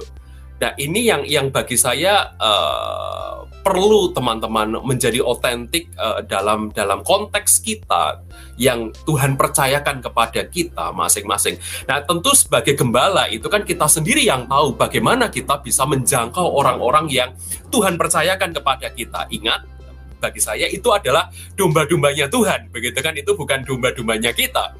Kalau itu domba-dombanya kita kan ya sudah ini ini berarti punya aku ini yang harus aku aku jaga, ini yang yang harus aku nggak mungkin nggak bisa seperti itu lagi sekarang. Ya, nah itu dari dari saya teman-teman. Oke, wah ini sungguh sungguh apa ya, sungguh uh, cukup menjelaskan mencerahkan kita ya. Kita kadang ada di dua ketegangan. Ya ada lokal dan global. Pinter-pinternya kita lah. Kan gembala itu ketika kita mau masuk di pastorgram menjaga ketegangan-ketegangan itu. Kalau kita lokal wah kita jangan sampai lupa konteks global. Kalau global wah kita nggak deket sama konteks konteks lokal gitu. Dan aku pikir apa ya konteks nih uh, ketika kita memainkan ini ya dua hal ini gitu. jadi nggak ke sini nggak ke sini Ya, um, Oke, okay. mungkin kalau saya pikir menjaga ketegangan global sama lokal juga menunjukkan sikap ingin belajar ya, saya pikir ya. Karena saya pikir yang menarik dalam konteks saat ini tuh akses internet memang memberikan akses pengetahuan yang luas sekali. Jadi kalau memang kalau sebagai saya pribadi kalau saya pikir-pikir tapi ngomong-ngomong saya bukan pastor gram ya. Jadi ini Gak, saya ngomong gini karena saya kagum dengan teman-teman yang parstogram gitu. Jadi kan berani membuka diri bagi publik begitu kan. Saya membuka diri bagi sebagian orang saya sudah capek bagi bagi publik yang lebih luas gitu. Introvert. Ya tapi bagi bagi saya ya memang uh, justru menjaga ketegangan lokal global ini dilihat dari sisi pembelajaran kan yaitu menunjukkan kita mau belajar ya karena sekarang justru ketika kita terpapar dengan banyaknya informasi kan yang jadi masalah bukan bagaimana mencari informasi lagi, tapi menggunakan informasi itu sebagai pembelajaran dan kita aplikasikan dalam konteks kita kan. Begitu. Jadi ya penting sih, saya pikir menyambung ke yang rekan-rekan tadi. Iya. Terima kasih. Mau nyemprot bensin boleh? Apa? Jangan pakai pertama sekarang dong. Boleh, boleh, oh, iya, boleh. Ya, ambil dulu, ambil dulu, ambil dulu. Uh, atau mungkin jangan-jangan ke depan kita nggak akan lagi bergumul tentang dikotomi glo apa, global dan lokal gitu, tetapi tentang yang partikular. Uh, aku kasih contoh misalnya, ketika misalnya uh, uh, Korendi gini kan uh, tadi kan bilang kalau Korendi ngomong sesuatu itu pasti ada pergumulan konteks uh, ininya lokalnya kayak gimana gitu kan.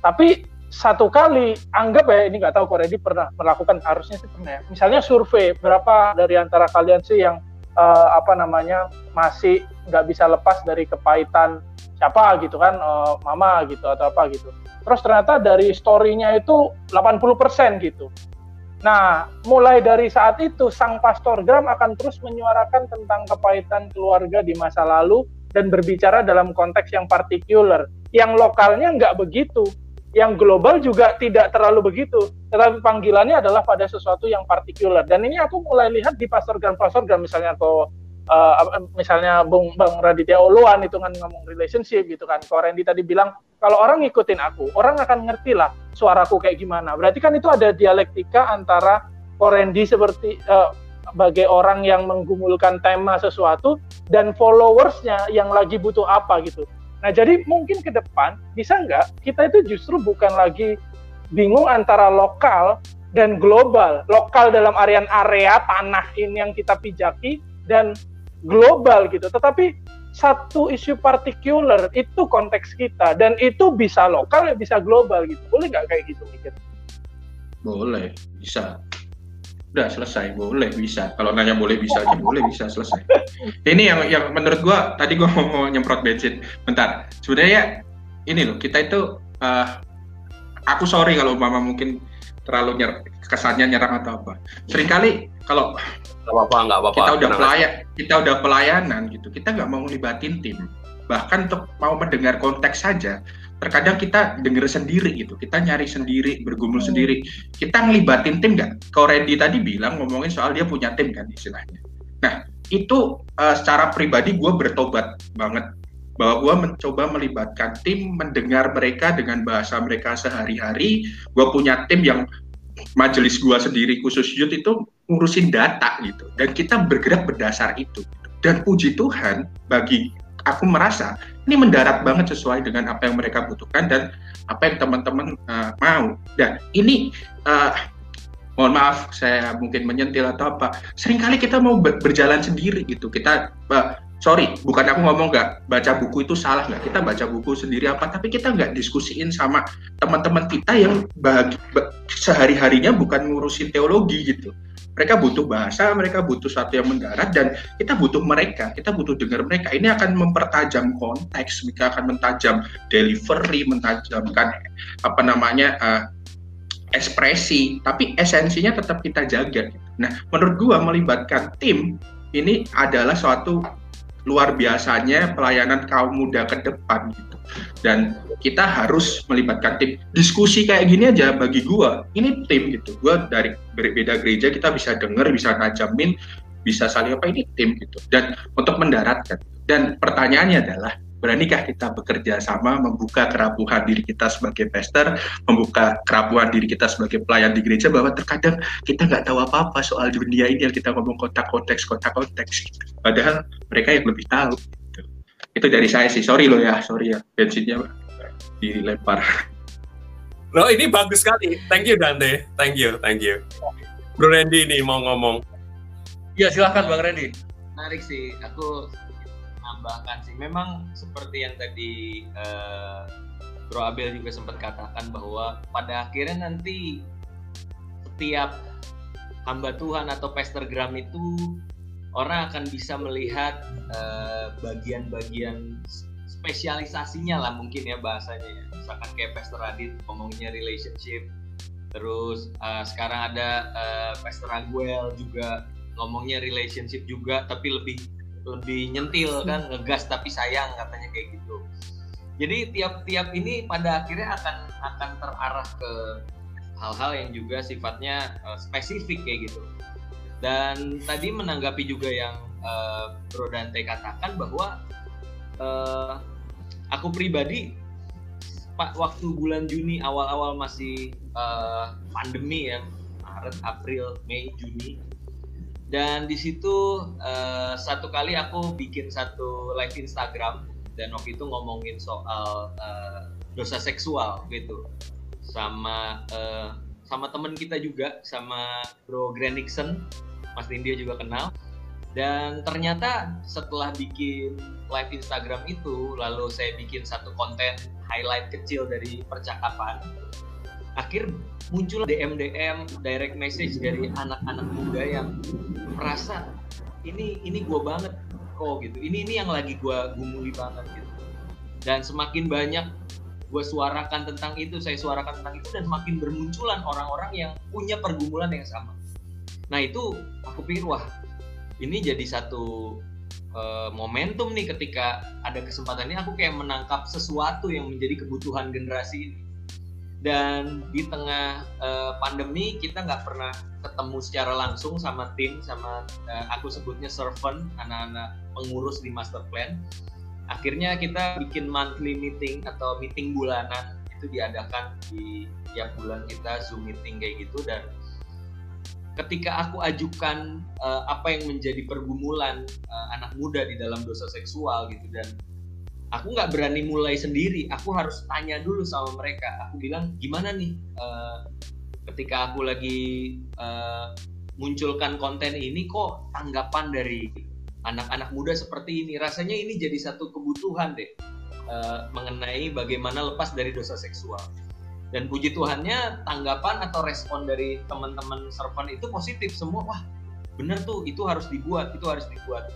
Dan itu yang membuat uh, hatiku semakin bulat tekad untuk ada ini. Uh, waktu itu kita bikin semacam kelas uh, kelas khusus lah gitu tiga kali pertemuan. Dan itu khusus membahas tentang dosa-dosa seksual. Dan puji Tuhan animonya juga cukup tinggi 100 setiap pertemuan 100 orang yang join kayak gitu.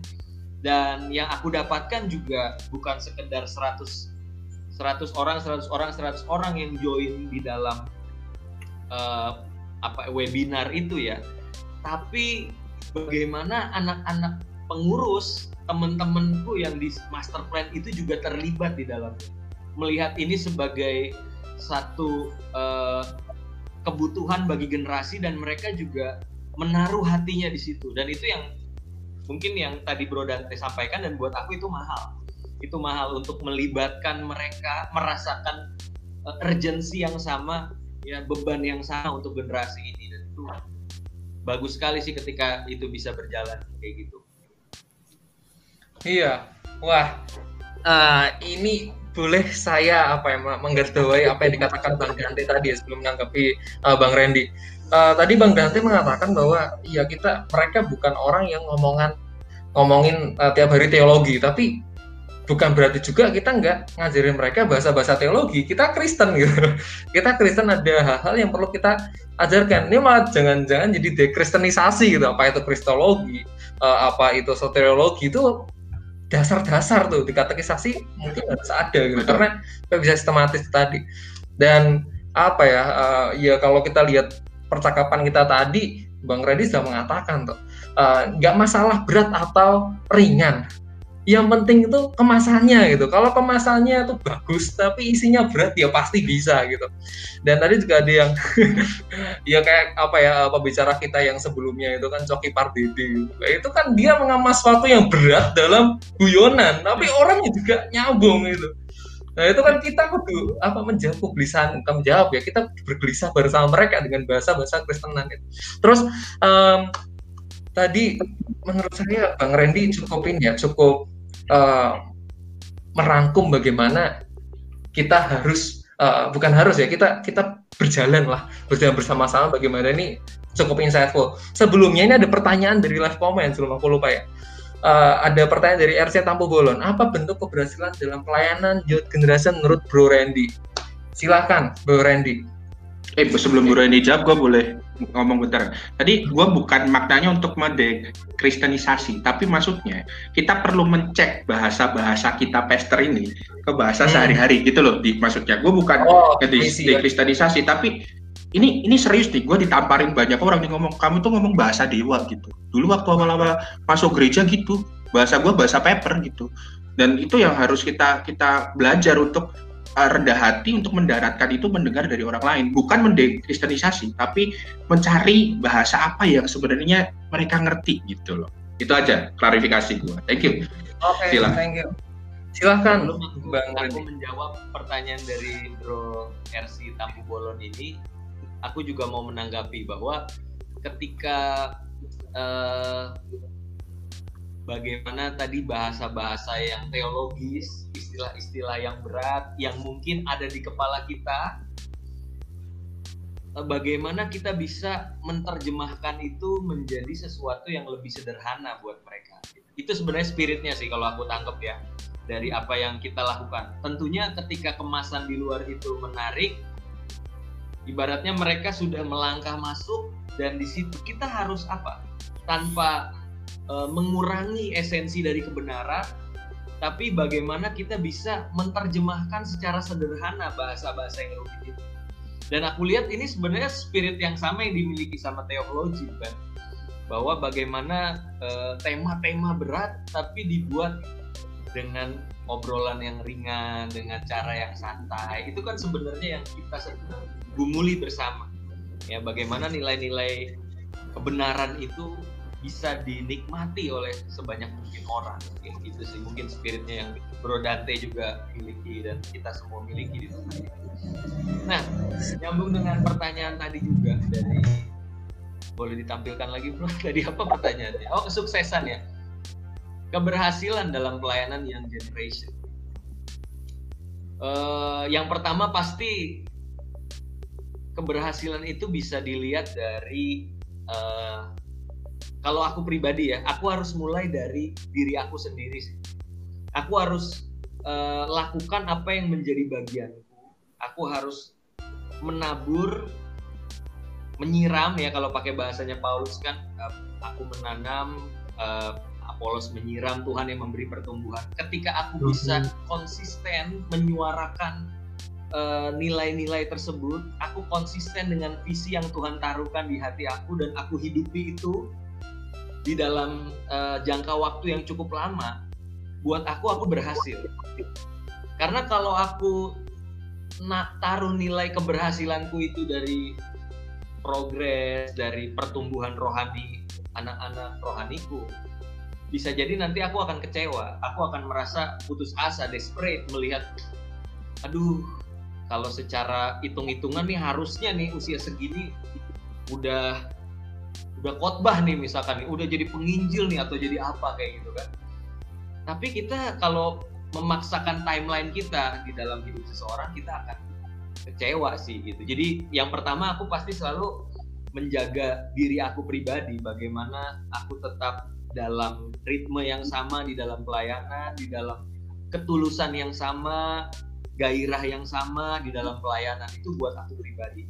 Nah, tapi ketika mulai uh, ke dalam yang generation tentunya pastilah apa yang kita tabur suatu hari kita akan tuai dan buat aku sukacita lah ya bukan keberhasilan lah. Aku aku lebih lebih suka menyebutnya sebagai sukacita. Ketika melihat ada muncul anak-anak muda orang-orang yang sebelumnya tadinya nggak tahu apa-apa soal ketuhanan Yesus tentang pelayanan itu seperti apa, hidup yang dipersembahkan buat Tuhan itu seperti apa, tiba-tiba bermunculan orang-orang yang punya hati dan mulai tanya, terus kita mau buat apa nih?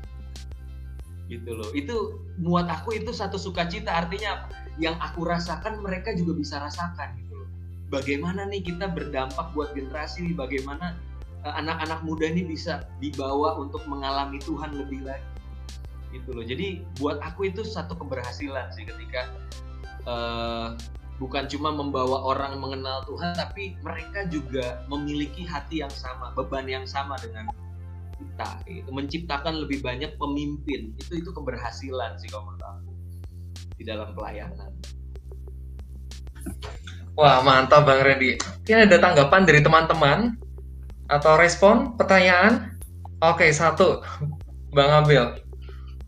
Tell me your biggest pleasure kalau tadi bilang menjaga kita nggak terlalu nggak apa supaya nggak terlalu tertuntut untuk pencakap apa, apa pencapaian pencapaian tapi biggest pleasure dari apa yang selama ini Koren dikerjain apa? Kalau aku mau membahasakan ulang Bro uh, Abel itu yaitu uh, begini rekan-rekan dan juga ini kan kita youth minister juga begitu. Uh, where did you find or where do you find your deepest joy begitu? Sukacita gitu kan. Di manakah Anda menemukan uh, sukacita yang paling dalam ketika melayani? Ya, tentunya tidak ada yang lain sih kalau buat aku pribadi adalah ketika ada satu jiwa lagi bertobat. berbalik kepada Tuhan itu nggak ada sukacita yang bisa mengalahkan. Aku hmm. punya satu anak, uh, mungkin teman-teman kalau lihat di Instagram aku uh, beberapa kali aku juga posting uh, bersama dia juga. Itu anaknya gondrong, terus tatoan. Ya, uh, dia ini dulunya uh, jagoan ya jagoan berantem dulu ada ada sekolah SMA yang isinya cowok semua nah itu premannya di situ terus juga narkoba juga tersentuh lah sama dia seperti itu dan uh, suatu hari dia datang ke komunitas di tempat uh, aku bergereja di Master Plan Youth. Diajak sama pacarnya. Ya diajak sama pacarnya. Oke datang. Dan jujur secara manusia aku berpikir siapa yang bisa mempertobatkan orang ini? Kayak gitu kan. Siapa yang bisa mengubahkan orang ini? Waktu lagi doa kita lagi praise and worship sungguh-sungguh semua udah udah memejamkan mata angkat tangan nangis-nangis. Dia cuma bengong. Dia cuma celingak celinguk ya kan? Sampai saya sempat saya yang waktu itu kebetulan yang pimpin praise and worship itu saya tantang berkali-kali siapa yang punya kepahitan? Siapa yang punya ini? Siapa yang punya itu? Ternyata enggak. Itu bukan masalah dia kayak gitu kan. Dan aku aku sempat kayak berpikir aduh Tuhan secara manusia jujur aku udah nggak ada harapan lah untuk menolong dia untuk untuk mengubah dia sama sekali kayak gitu. Tapi di satu waktu ya kita nggak pernah tahu kairosnya Tuhan waktunya Tuhan. Makanya tadi aku sempat katakan bahwa jangan kita taruh beban kita kepada bagian yang bukan kita yaitu pertumbuhan pertobatan. Itu itu urusannya Tuhan. Kita cuma bisa kita cuma bisa menabur menyiram ya kan? Tuhan yang memberi pertumbuhan gitu. Dan dan itu sendiri berkali-kali aku alami ketika ada orang-orang yang secara kacamata aku secara manusia susah banget bisa ngelihat dia berubah. Tapi toh ternyata Tuhan jamah dia. Satu kali dia datang ke bagian sekretariat gereja tanpa bilang siapa pun dia minta surat baptisan. Gitu loh. Dia minta uh, mau isi formulir baptisan dan dia mau menyerahkan diri dibaptis aku bukan termasuk orang yang suka uh, dorong dorongin orang untuk dibaptis eh ayo ayo ayo. Zamannya udah waktunya baptisan. Kamu kamu kamu dibaptis. Enggak aku enggak enggak pengen kayak gitu. Aku pengen mereka dalam kesadarannya memilih untuk uh, berkomitmen dibaptis kayak gitu. Dan itu yang terjadi. Dia tanpa bilang siapa-siapa diam-diam ambil surat baptisan surat formulir baptisan. Dan kita tahunya justru dari uh, petugas sekretariat itu. Eh itu temenmu minggu depan dibaptis. Siapa? Nah itu yang gondrong dan tatuan itu aku speechless benar-benar serius serius. Dan itu yang terjadi benar dan sukacita surga itu memang benar-benar bisa kita rasakan gitu. Melihat orang yang seperti sebelumnya terus dia menyerahkan diri sama Tuhan. Kita cuma bisa menangis dalam ucapan syukur bahwa Tuhan ini bukan aku tapi engkau yang bekerja di dalam dia dan buat aku itu sukacita yang bikin aku gak bisa berhenti untuk terus melakukan ini gitu loh melihat ada satu orang lagi yang diubahkan oleh Tuhan itu sih Bro Abel Mas Rindio Amin amin Apel Wah, ini Sia atau SAW coba. Bang Yosia, keren keren. Wah. Ya, memang memang betul. Kalau saya rasa memang salah satu pengalaman mistikal ya. Kalau bagi saya pribadi sebagai seorang Kristen memang merasakan kasih karunia Tuhan yang mengubahkan itu. Man. Dan iya bisa dipahami sih. Dan memang uh, iya yeah, menarik sih jadi kalau buat saya yaitu sharing yang sangat memberkati ya dan saya senang justru saya Bung Randy mau terus bergelut di sini kan begitu dan iya yeah, pelayanan anak muda memang sulit jadi saya senang ada orang yang terus berkumpul di sana. Perkataan Yosia ini dalam banget ini sampai touching oh. begitu loh. Ya kan? Oh iya. iya beda-beda kan, beda-beda kan gitu. Ada yang menyiram, ada yang menanam, Allah yang menumbuhkan, saya engkau yeah, Saya yang menyorong orang lain. Tapi kalau di pengkhotbah tuh dia menghancurkan. oh iya. kalau sekarang ada yang nyinyirin, dah itu aja. Iya, iya, nyinyirin. Itu yang menghancurkan yang nyinyirin ya. Iya. Gak tau lah. Kita tebak-tebak aja. Gua, Tapi, gua menambahkan, oh, boleh, boleh gak singkat? Oh, yang tadi Bu Randy itu bener banget saat ada orang uh, mengenal Tuhan dan memberi diri kita mereka kita nggak kenal mereka dari mana kita debat sudah sampai mereka istilahnya ngeyel banget tapi akhirnya mau katekisasi dibaptis itu kayak satu hal yang sukacita banget. Tapi juga melihat teman-teman yang kita layani mereka berhasil meneladani Tuhan dalam kehidupan mereka sehari-hari itu tuh sukacita besar banget. Gua di covid ini jujur ya gua ya youth pastor ya lu tahu uang nggak banyak atau apa. Rasanya pengen bantu banget orang tuh pakai apa? gitu. Tapi tiba-tiba ada anak-anak Tuhan teman-teman ini yang ngerasa eh gue ada kerjaan ini ada gak yang butuh kerjaan? Eh gue ada dana ini boleh bantu gak sebarin ini makanan ke sana? Gue ngelihat mereka punya kasih buat damai di dunia itu udah kayak hal yang wow banget. Jadi uh, bukan apa namanya hanya itu tapi juga yang kita layani bisa meneladani dalam sehari-hari aja. Gue bisa tahan apa diajak bos gue buat nginep ke hotel tapi gue tolak akhirnya gue dipecat. Itu rasanya gue malah seneng loh meskipun gue sedih gitu dia dipecat tapi ada seneng bahwa mereka berhasil meneladani apa yang Tuhan mau dalam kehidupan mereka sehari-hari. Itu uh, pleasure juga dalam pelayanan ini. Thank you. Iya kalau boleh satu lagi ya, di vlog kemarin kita kan juga ngomong soal nih, jangan jadi mesias gitu ya. Kalau kita mau nobatin orang gitu, jangan-jangan tuh arogansi kita atau ambisi kita gitu. Hmm. iya kan, iya. Wah ini jadi sangat insightful ya, dan ini sangat menyadarkan kita semua gitu, termasuk saya sendiri. Oke. Okay. Apel, uh, apel, belum, apel, apel, belum. Apa? Apa? Pertanyaanku begitu. Hah? Di mana kamu menemukan sukacita? Oh, pleasure, kata.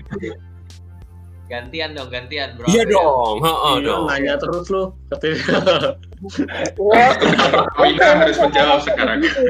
Orang yang di sini soalnya. Biggest pleasure ya. Uh, ketika aku bisa melihat uh, entah itu youth, entah itu teens, menyadari bahwa uh,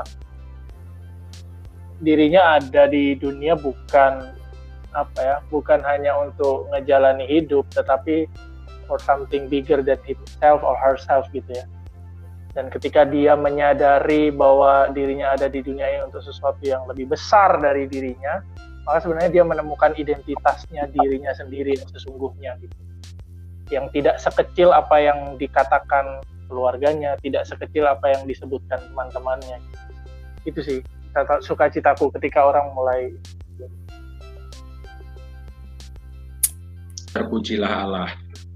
iya, terpujilah Allah. Ini dan selamanya ya. Teman-teman, iya. Nah, aku senang sekali gitu. Aku aku aku justru justru melihat ini ya yang yang tadi ya sebagai oke, okay, aku sebagai teolog dan aku aku uh, uh, tahu bahwa bahwa pekerjaanku itu sekarang ini berkutat dengan buku dan buku. Tetapi oh, justru Uh, uh, itu buku yang nggak pernah dibaca itu masalahnya. Uh, nah, tapi percakapan seperti ini teman-teman dan pertanyaan yang terakhir seperti ini itu justru bagiku itu sangat-sangat dalam, sangat-sangat teologis dan sangat-sangat mistik sebenarnya. Uh, ketika teman-teman cerita itu uh, yang terbayang bagiku itu adalah um, the burning bush, begitu ya, semak belukar yang terbakar itu, tetapi tidak consumed, tidak habis dan uh, aku mengingat bahwa ya ini yang yang yang yang dialami oleh para mistik uh, oleh orang-orang yang berpikir bergaul karib dengan akrab dengan Tuhan. Ketika mereka menulis mereka sering sekali menulis mengenai pengalaman Musa yang berjumpa dengan semak yang terbakar itu. Dan mereka kagum bahwa semak yang terbakar itu tidak habis justru. Nah itulah Tuhan Nah, bagiku pengalaman-pengalaman yang rekan-rekan ceritakan ini itu deep, deep, deep, deep teologi begitu bagiku. Sangat-sangat teologis yang mendalam. Jadi uh, terima kasih sudah berbagi dan ini justru bagian yang sangat penting dari teologi menurutku yaitu bahwa kita kita jangan sampai uh, hanya berbicara dari buku ke buku dan dan hanya bicara dari teori ke teori tetapi justru waktunya dan uh, medianya kita juga harus dekonstruk kita harus kembali dan seperti yang tadi Dante katakan bagaimana kita bisa mengkomunikasikan uh, gagasan teologis itu kepada generasi kita atau kepada konteks kita atau kepada jemaat orang-orang yang Tuhan percayakan kepada kita. Nah, menurutku itu yang sangat penting dan makanya sekali lagi aku uh, membenarkan apa yang dikatakan kalau boleh mengutip Paul Tillich uh, itu pendekatannya itu selalu apologetik. Apologetik di sini bukan berpolemik, lu salah, gua bener. Karena lu salah, maka gua bantai lu ya, karena gua punya kebenaran. Enggak, tapi apologetik itu berarti mencari bahasa-bahasa yang bisa dipahami oleh orang-orang yang Tuhan percayakan kepadaku. Karl Rahner juga tokoh yang saya juga kagumi, teolog yang saya kagumi, yang bagi orang-orang dan bagiku sendiri itu dia bahasanya tuh sulit sekali. Bahkan uh, kokonya Karl Rahner itu pernah mengatakan lu nulis ini kayaknya perlu diterjemahin dalam bahasa Jerman deh gitu. Karena terjemahan bahasa Inggris itu lebih gampang daripada ketika si Karl Rahner walaupun dia menulis dalam bahasa Jerman uh, memproduksi tulisan-tulisannya dalam bahasa Jerman. Kenapa? Karena sangat-sangat sulit. Tapi Karl Rahner juga pernah bergumul begini teman-teman. Bahasa-bahasa kayak inkarnasi bahasa-bahasa kayak anugerah, rahmat itu kan nggak bisa dipahami dengan konteks sekularisme di zamannya. Dia harus dan dia mendorong orang-orang untuk mencari kata-kata yang bisa dipahami oleh orang-orang sejamannya dia. Dan menurutku ini perjumpaan seperti ini, eh, percakapan-percakapan persahabatan seperti ini juga bisa membuat aku sendiri sebagai seorang teolog itu belajar dari uh, Bro Randy, Dante, Abel, dan juga SAW yang bergulat bergumul dalam konteks untuk bagaimana teologi itu tetap bisa dihidupi, dihidupkan dalam gereja Tuhan. Nah itu yang yang menjadi pengalaman uh, apa yang aku terima dari rekan-rekan. So, thank you, thank you banget teman-teman. Jadi maksud lo gue sama lo itu di Menara Gading ya maksudnya gitu ya? Enggak. Kayak gue tersinggung gue tersinggung.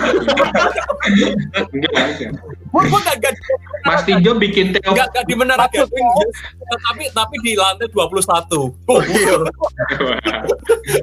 tapi betul sih. Mas Tijo ini bikin teologi ini dan jembatan besar dalam ini breakthrough teologi unity iya, antar denominasi antar panggilan antar apa pun bisa betul. ini adalah langkah Mas Ninjo untuk tadi yang bahasa dewa dijadiin bahasa sehari-hari. Jadi keren. Betul. Lalu ya, ya tadi kembali lagi kepada Abel tadi uh, Bung Dante yaitu bahwa uh, sebagai teolog kita sendiri, aku sendiri harus berani di dekonstruksi. Tepat. Karena itu bahasa-bahasa yang sulit gitu kan. Hmm. Uh, itu juga juga aku harus terus belajar kadang-kadang aku gagal tapi seperti yang Bro Randy katakan ya